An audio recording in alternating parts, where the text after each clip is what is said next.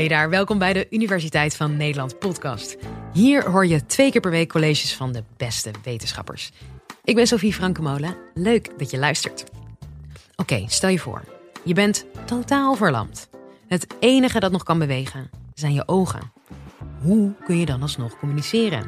Biomedisch ingenieur Jinne Gele van de TU Delft en UMC Utrecht legt het je uit.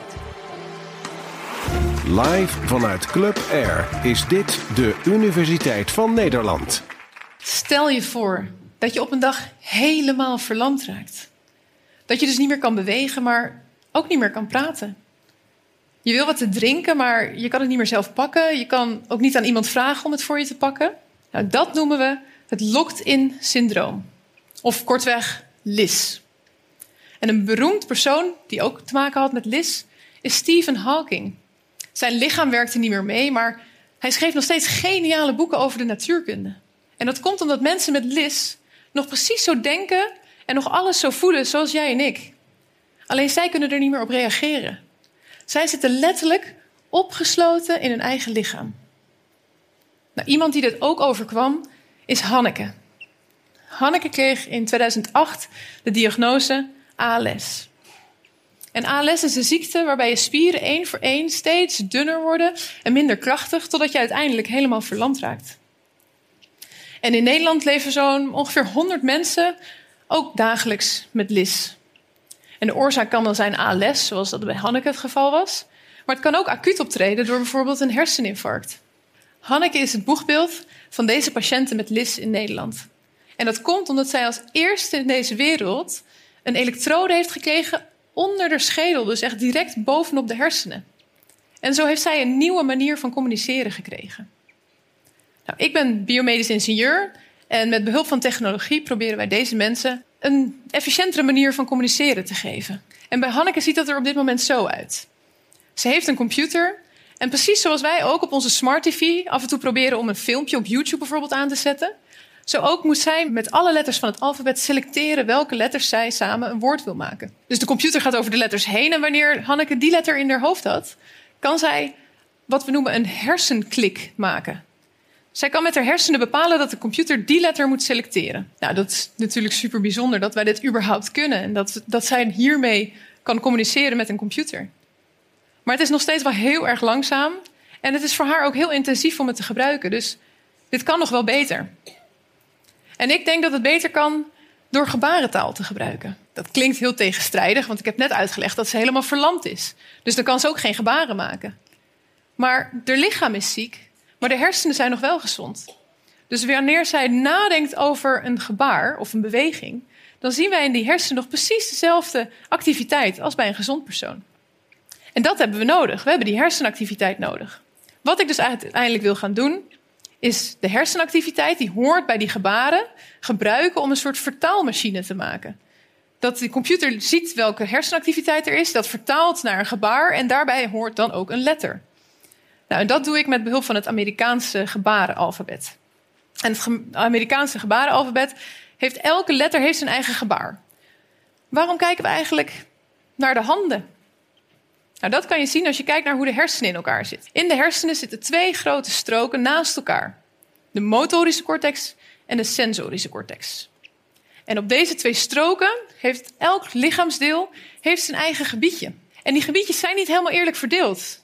Zo kan je meteen al zien dat voor de hand wel relatief een heel groot gebied beschikbaar is.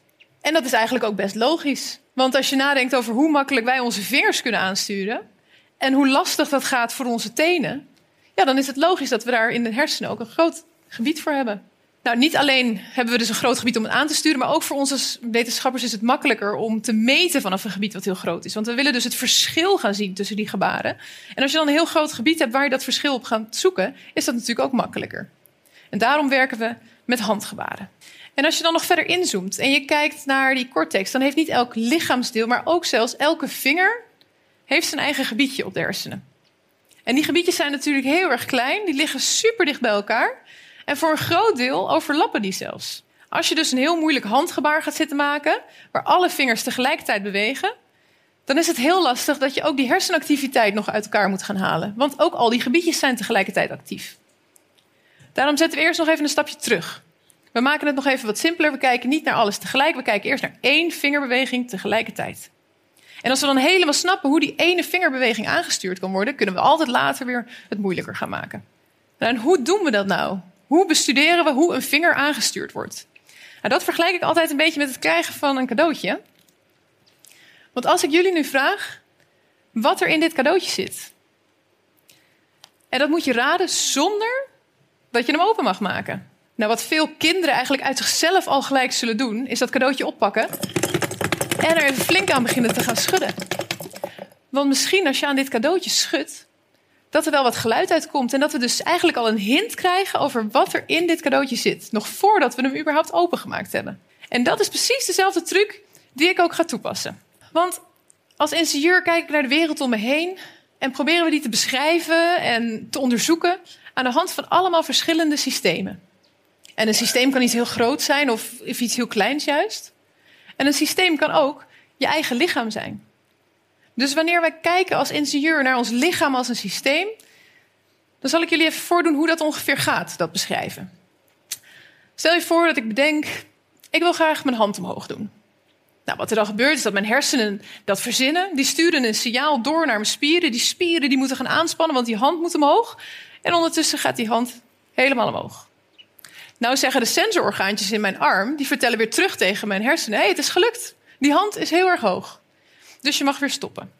Ik kan ook bedenken, het is wel weer genoeg geweest met die hand zo omhoog. Mag wel weer naar beneden. Dan vertellen die hersenen dus weer tegen die arm, ga maar weer rustig naar beneden. De arm hangt weer beneden. En de arm vertelt ook weer terug tegen de hersenen van, het is gelukt, ik hang beneden. Vrij eenvoudig zou je zeggen, een saai systeem. Maar ons lichaam is zeker niet saai, want wanneer het pas echt leuk wordt, is als het misgaat. Stel je voor bijvoorbeeld dat ik net iets te dicht bij dit blok ga staan. En ik ga proberen weer precies hetzelfde te doen vertellen mijn hersenen weer tegen mijn spieren: ga aanspannen, want ik wil omhoog. Maar ja, die spieren zitten wel aan te spannen, maar ik krijg die arm niet omhoog. Nou, gelukkig vertelt dus ook die arm weer terug tegen de hersenen van... hé, hey, je bent wel aan het aanspannen, maar ik ben er nog helemaal niet. En dan wordt het leuk. Want dan moeten je hersenen dus gaan aanpassen. En die moeten zich aan de situatie gaan aanpassen... om bijvoorbeeld even te ontspannen en er omheen te gaan... of om nog harder te duwen en dat hele blok gewoon opzij te duwen... totdat uiteindelijk toch die hand weer is waar je wil. Nou, en dat is ook waar wij naar kijken. We kijken niet naar als een systeem gewoon in evenwicht is, maar we kijken naar wanneer dat systeem juist een beetje verstoord wordt.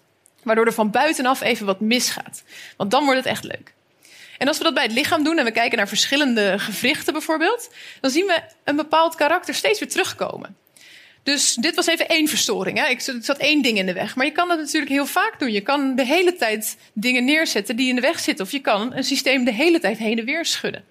En als we dat doen, dan heb je bijvoorbeeld hele langzame trillingen waarmee je dat systeem even in de war kan brengen. En dan zien we dat als je dat met hele langzame bewegingen doet, dat het systeem dat eigenlijk best wel goed aan kan en die geeft dat goed door. Maar als je nou wat sneller gaat schudden aan dat systeem, dan zie je al dat die trillingen niet allemaal meer doorkomen. En zelfs als je heel erg snel gaat trillen, dan wordt eigenlijk bijna al die bewegingen worden eruit gefilterd. Gewoon omdat je lichaam te zwaar is om die hoge frequenties nog door te geven. Nou zie je dus dat met verschillende frequenties jouw lichaam, jouw systeem anders reageert. En door dat te onderzoeken en te beschrijven, kunnen wij dus iets leren over hoe je reageert. Dus als we even teruggaan naar dat beeld dat ik net liet zien van de hersenen, dat je met die twee stroken hebt en een gebiedje voor de hand en zelfs nog een kleiner gebiedje voor de vinger, dan willen we dus eigenlijk alleen het meetpunt precies boven dat gebiedje van die vinger bekijken. Maar ja, met één enkel meetpunt, ja, daar leer je heel weinig van, want we willen juist heel veel verschillen gaan zien. Daarom zouden we het liefst onder de schedel gaan kijken en echt direct op de hersenen gaan meten. Maar ja, dat kan natuurlijk niet zomaar met gezonde mensen. En dat gaan we ook zeker niet doen met gezonde mensen. Maar gelukkig hebben we wel ook nog een samenwerking met de Universiteit van Utrecht, met het UMC. En daar zijn patiënten die voor medische redenen sowieso al een hersenoperatie moeten ondergaan. Nou, tijdens deze hersenoperatie blijven ze wakker, want we willen weten waar zit de tumor en waar zit het functioneel gebied? Waar komt de bron van de epilepsie vandaan bijvoorbeeld? En als deze mensen dan tijdens dat zij wakker zijn tijdens de operatie voor ons een aantal handbewegingen kunnen maken, dan kunnen wij veel nauwkeuriger op een groter gebied van de hersenen meten. En die signalen zijn voor ons super waardevol. Want als wij van al die mensen die data verzamelen en van al die enkele vingerbewegingen combineren totdat het weer een gebaar is, dan kunnen we uiteindelijk echt voor Hanneke die vertaalmachine gaan maken. Dan kunnen we in plaats van dat zij langzaam totdat ik moet wachten tot de computer letter voor letter selecteert en dan pas kan klikken, kan zij achter elkaar denken aan die gebaren en zo woorden gaan spellen. Nou, dat zou natuurlijk ideaal zijn. Dus als we nou weer even teruggaan naar de hoofdvraag van dit college. Kun je met je gedachten een computer besturen? Dan zou ik zeggen, ja zeker, dat kan. Met een elektrode op de hersenen kan Hanneke dus nu eigenlijk al een hersenklik maken en zo een computer aansturen. En in de toekomst zal het aansturen van een computer met je hersenen nog veel efficiënter worden. Doordat je bijvoorbeeld in gedachten een gebaar gaat maken. Ik hoop dat je het een leuk en leerzaam college vond. Vergeet niet de rest van onze playlist te checken, want iedere week plaatsen we twee nieuwe afleveringen. Mijn naam is Sophie Frankmolen. Graag tot de volgende!